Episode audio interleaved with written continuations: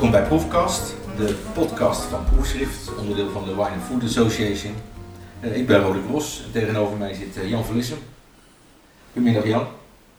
Uh, dit is de eerste podcast van het nieuwe jaar, 2022. nou, we zijn niet zo goed begonnen, er is geen Wine Professional geweest. Ik denk dat dat wel duidelijk is waarom. Maar net zoals vorig jaar ga je ook weer een aantal dingen doen, eigenlijk voor de importeurs en voor de mensen die ook op de wine professional staan. En uh, één onderdeel daarvan is uh, caféwijn van het jaar. Wat houden we precies in? Caféwijn van het jaar uh, verkiezingen hebben, hebben, introduceren we dit jaar vanwege het feit ook dat we eigenlijk bezig waren met de 20e editie van Wijn Professional. Leek me een mooi moment om toch ook niet alleen naar de absolute top van de gastronomie te kijken, maar ook naar de basis. En dan kijken we uh, naar de cafés, die er talloze zijn uh, in Nederland, om weer eens een keer een, een onderzoekje te doen. wat is er de afgelopen 10, 20 jaar gebeurd wat betreft het niveau van de caféwijn? Ja, en dan nemen we een beetje eetcafés in mee. Dus echt plekken ja. waar je gewoon of kan eten of een glas wijn kan drinken. Ja, we hebben de wijnbarren en dat soort dingen even buiten. Die laten we dus ook de binnenkader voor de restaurants, ja. gewoon uh, simpele, eerlijke eetcafés en, en, cafés. Ja, ik denk dat er wel een imagoprobleem is. Hè. Ik denk dat best wel wat iedereen denkt dat cafés bij uitstek altijd slechte wijnen schenken. Ja, dat is denk ik van vroeger nog. Hè, dat je echt, kreeg je echt dat zure wit en dat harde rood. Met ook met hoog zuur en tannine. Omdat natuurlijk een café meer gespecialiseerd is in bier. En dus dat ervan uitgaan dat meteen de eigenaar zich helemaal niet interesseert met wijn. Denk je dat dat nog steeds zo is? Ik denk dat er twee dingen zijn. Dat de consument is uh, veel beter ingevoerd in de, in de wijnmaterie. Dat is het niveau van de gastronomie in Nederland uh, omhoog gegaan. En daarmee is denk ik ook uh, wat het aanbod wat je in de café ziet, op, op welk vlak dan ook, ook verbeterd. Dus ik denk dat je een algemene opwaardering krijgt van, van een aantal producten. En daar is er volgens mij ook uh, wijn daar ook een van. Ja, het is op zich wel grappig, want dat we een beetje gaan, uh, gaan googlen naar wat prijzen zijn. En dan beginnen ze ongeveer bij 3,40 euro, wat best wel laag is voor een glas wijn. Uh, in het algemeen tot een euro 4,5, 5, wat eigenlijk ook weer een beetje restaurantprijzen nadert zou dat betekenen dat er een aantal cafés zijn die dan toch iets bewuster mee bezig zijn en zeggen van nou dan besteed ik toch liever een eurotje meer aan de inkoop, zodat mijn klant betere wijn drinkt, waardoor die ook meer gaat besteden. Of nog een glaasje. Ik denk dat uh, sowieso de, in die betere cafés de wijnbehandeling veel beter is dan voor tien jaar terug. Uh, je krijgt nu toch denk ik een, uh, een, een, goed glas wijn op, op een betere temperatuur en beter verzorgd in je glas. Ook het glaswerk is toch ook wel een stukje beter geworden. Ja, zeker. Ja. Dus dat is allemaal prijs voor de caféhouders. En daar past dan ook een betere kwaliteit wijn in. Ehm, ja, daar moet je er iets meer voor betalen, maar dat is toch wel genieten. Ehm, en dan is het niet zo dat ik, als ik dat bijvoorbeeld zou krijgen, een glas wijn zoals 10, 15 jaar terug, dat ik al heel gauw na één zo'n glas overstap op bier. Ja. En maar ik kan gewoon in de café dan gewoon lekker wijn blijven drinken. Ja, precies. En in de betere cafés uh, gebeurt dat momenteel ook al. Ja. we hadden gevraagd voor de importeurs in te sturen voor een maximale prijs van 5 euro inkoop voor de ja. cafés. Om het toch een beetje in de scheidinglijn te geven. He, want we zien wel dat meerdere cafés meerdere wijnen per glas open hebben. Maar we hebben echt gevraagd specifiek van, er komt een gast binnen en die zegt ik wil een glaasje wit en ik wil, een glaasje rood, wat wordt er dan geschonken? Dan hebben we bij de inzending dus inderdaad gevraagd importeurs uh, schenken goede wijn in. Dat wil zeggen stuur een goede wijn in. Uh, nou, daar hebben we 80 uh, wijnen binnengekregen. Ja. Die hebben we geproefd. En daar zijn natuurlijk best wel leuke resultaten uitgekomen. Ja. We zien bijvoorbeeld dat, dat de gemiddelde prijs van de wijnen die ingezonden zijn zit tussen de 4,5 en de 5 euro. En dan zie je dat het toch wel een hele stap beter is dan de wijnen die wij spreken 3 euro, 2,80 en 3,5 euro gekost. Ja. Dat zie je een groot verschil in.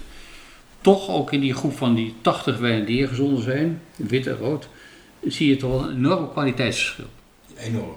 Enorm kwaliteitsverschil. En het gros is eigenlijk, uh, ja, dat hoeven wij niet, het gros van deze wijnen. Er blijven dan, als we uh, gaan schalen naar 80 wijnen die hier gezonden zijn, denk ik dat we zo'n 20 mooie wijnen overhouden.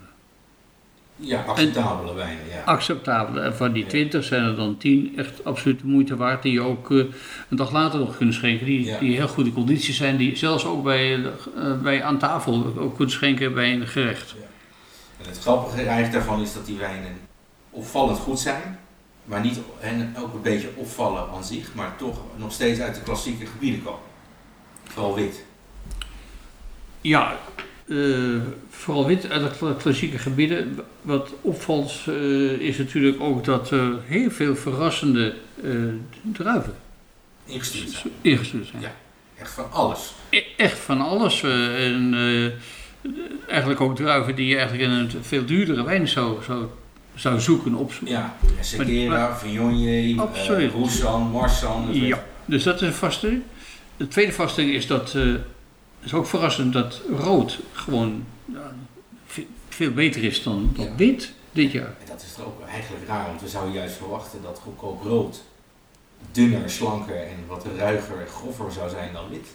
Maar dat viel me wel op, dat rood gewoon veel aangenamer was. Veel meer wijnen die goed zijn dan bij wit. Ja, ja. Dat, dat is Veel dat een vaste. Ja, precies. En dan rijst toch de vraag, wat is dan eigenlijk een caféwijn? Waar moet hij aan voldoen? Waar moet hij aan voldoen? Ja. Dan komen we in een reisje Ja, terecht. Het blijft een beetje natuurlijk een, eh, hè, een zit er een mening in. Ja.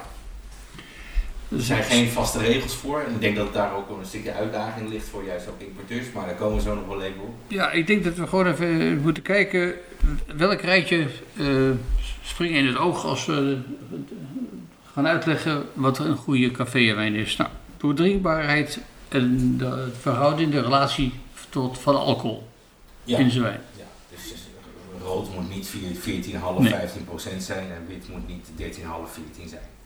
Dan denk ik dat de wijn ook wel, eh, zuiver moet zijn. Hè? Ja. En dan spreken we dus inderdaad over de zuren onder andere. Ja, het is fijn als de witte wijn niet aangezuurd is. Dus dat er geen zuren zijn toegevoegd, want het gaat toch een beetje naast de wijn staan. En als je er niks bij eet, kan dat toch wel een beetje dat branderige gevoel geven. Ja, kaal. consumenten. En als je Heel natuurlijke kaal. zuren, dan kan je dat toch beter blijven doordrinken. Ja, want anders denk ik dat je geen tweede, derde glas pakt. Nee, nee Als je dat al wil doen. het zuur, om het Ja. zo maar te zeggen. Klopt. Ja. Ehm, maar hoe komt, hoe komt dan zo'n caféhouder daarachter? Eh, dat is dus de, de, de uitdagingen, die- of die, de mogelijkheden ook die er zijn voor de, voor de wijnimporteurs. Ik denk dat dit een bepaalde groep is die heel makkelijk natuurlijk een wijn selecteert bij, bij een groothandel of het mee laat lopen met de brouwer. Hè. Heel veel mensen denken nog steeds dat, eh, dat de brouwer ook altijd de wijn mag leveren. Nou, Dat is veranderd, denk ik de ja, dat is niet toch? helemaal meer waar. Dat is niet helemaal eh, waar. Natuurlijk willen ze dat, dat is logisch, maar er is echt wel wat vrijheid voor een, eh, voor een café-eigenaar om eh, zijn eigen wijn te, te selecteren. Ja, en dat, als je dan naar zo'n groothandel gaat op brouwer, krijg je toch een stukje ander advies dan als je gaat naar een wat serieuzere importeur. Die goede vertegenwoordigers of wijnadviseurs heeft rondlopen. Die kan ook meer praten met de caféhouder om te zeggen wat, wat voor gasten heb je op dit moment. Waar, waar denk je, waar houden ze van? In wat voor wijk zit je? Wat voor klanten krijg je? Wat voor seizoen is het? Is het handig om misschien in de, in de zomer een andere witte huiswijn te hebben dan in de, in de winter? Ja, daar komt nog wat anders bij. eh, en daar hebben we 20 jaar, 20 jaar terug bij de eerste wijn professional over gehad. Daar hebben we ook een grote proeverij gehad met de bierbrouwers, zeg maar. Ja. Ehm, dat het verschil tussen een wijn daar vandaan krijgen en een wijn van, een, eh, van, de, wijn, van de vakhandel enorm groot verschil is. En dat heel veel caféhouders dat toen helemaal niet wisten. Ik denk dat er nu toch wel een groot aantal zijn die dat ook doorhebben. Eh dus een goed advies en een betrouwbaar adres waar je je wijn kunt halen, eh, dat, dat, daar geef ik toch wel heel duidelijk de voorkeur aan. Ja, en ik denk ook een, een traditionele wijnimporteur kan iets meer meedenken. Ook misschien met het seizoen. Of iets extra's leuk doen. Of een gevoel hebben van oké, dit wordt even een trend. Ga dit ook even schenken daarnaast. Probeer wat, wat extra's. Gewoon puur ook om te kijken om die omzet te verhogen. Naast het kwestie van zuur waar we het over hebben, is denk ik ook de relatie tussen de wijn en de doelgroep die bij jou in het café komt. Ja, Ook belangrijk. Ik denk het wel. Wat voor mensen komen bij jou regelmatig in het café voor een glas wijn? Ja, en, want je zal bijvoorbeeld zien dat eh degenen die tussen de 5 en 7 uur komen, dat er in die tijd veel meer wijn wordt gedronken dan bijvoorbeeld bier. Ja.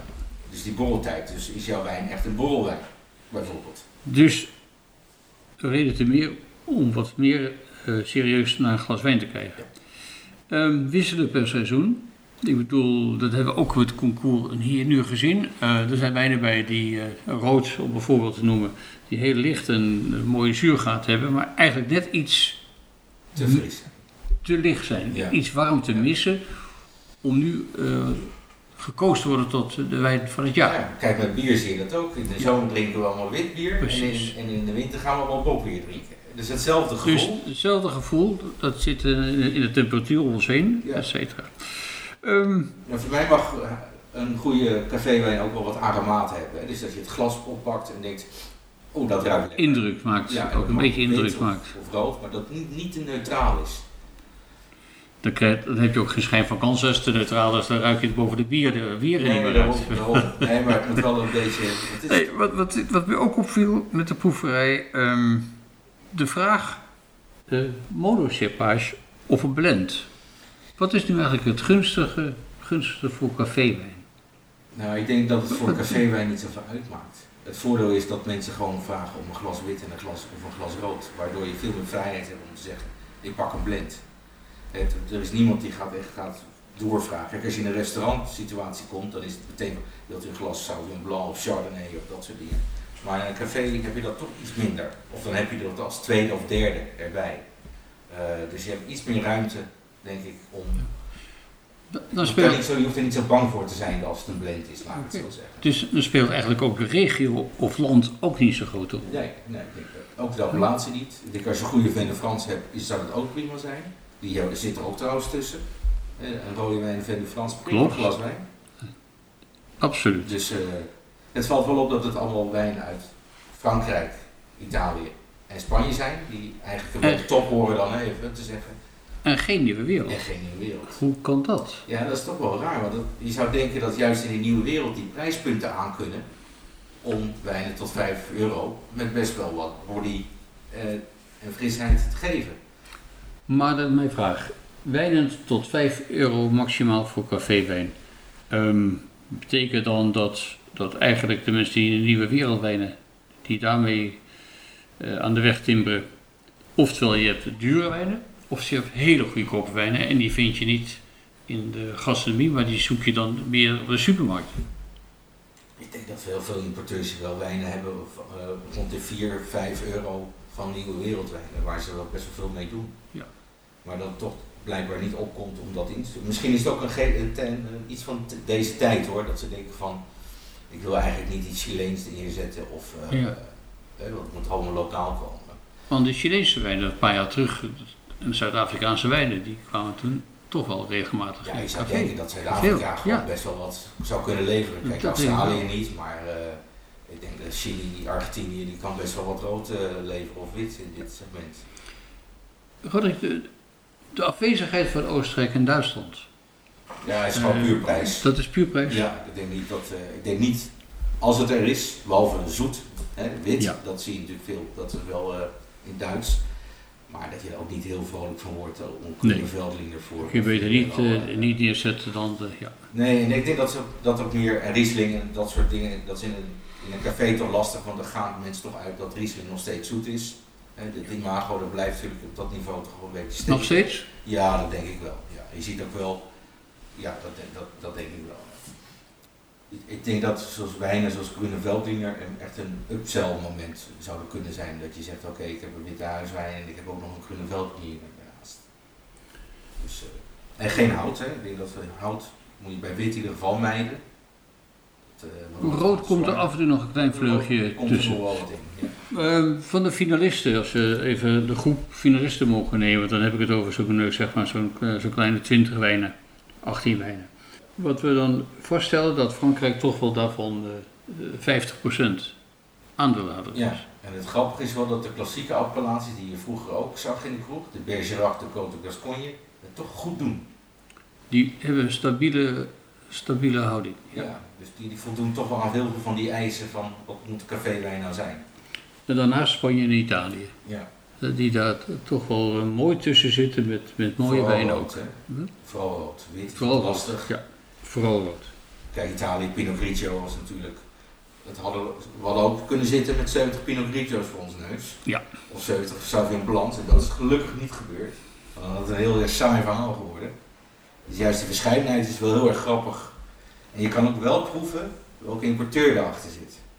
Ja, als we uh, na afloop van de gaan kijken van wie het afkomt, dan zie je toch dat, dat, dat, dat, die mensen wel nagedacht hebben, de importeurs nagedacht hebben welke wijnen gaan we selecteren en opsturen. Ja. Ik, je vindt wel de hand van de, van de selectiemeester, die kom je tegen. Ja, dat klopt. Ja, dat denk ik ook. En een paar kenmerken wat je niet moet doen, dat is het als, het, als het te, te, te, veel hout in zit, te zoet is of als het te, te agressieve harde tanninen zijn. Dat zijn bij uitstek. Uh, je, je, moet eigenlijk zorgen met een huiswijn dat, uh, dat er niks in zit wat, uh, wat schuurt. Ja. Dat is eigenlijk de kunst. Je moet, Ja. Dus nou, je, ik denk dat we dat ook met de, hè, toen we de finalisten proefden, dat we het aantal zeiden van, hier kunnen we eigenlijk niks van zeggen. Ja. Er zit geen fout in de wijn Precies. op elk, op Ja. elk vlak. dus, dus je gaat niet op zoek naar mooie gepolijste wijnen. eh, Nee, je gaat het andersom doen. Je gaat zorgen dat bepaalde eh, elementen niet in de wijn zitten. Harde tannines, te zoet, eh, Te zuur. te, te zuur of te bitter. Alles wat tussen, dat haal je eruit. Ja. En dan moet je toch gaan zorgen dat het een spannende wijn blijft. ja. Dat is een mooie Want uitspraak. af, en- af en toe is natuurlijk, in de, in de gastronomie kom je er wel eens tegen dat het een lekker bittertje heeft en dat soort dingen. Maar die moet je eigenlijk mijden, dat, Ja. dat soort dingetjes. Of een beetje funkiness of een beetje, eh, dat, dat moet je eigenlijk niet doen.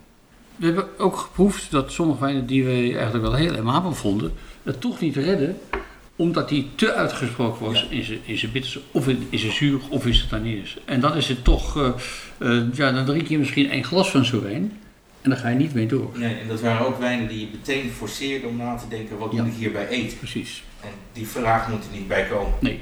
Dit is gewoon van, ik wil gewoon nog een lekker slokje nemen. En dat is het enige. En als er dan nog, nog een stukje kaas op tafel komt of een stukje worst, dat is een- Meegenomen. dat is Maar, meegenomen. Maar maar je hoeft niet te de vraag. Nee. Dankjewel Jan. Dankjewel, ja. Dank. tot de volgende keer. Nee.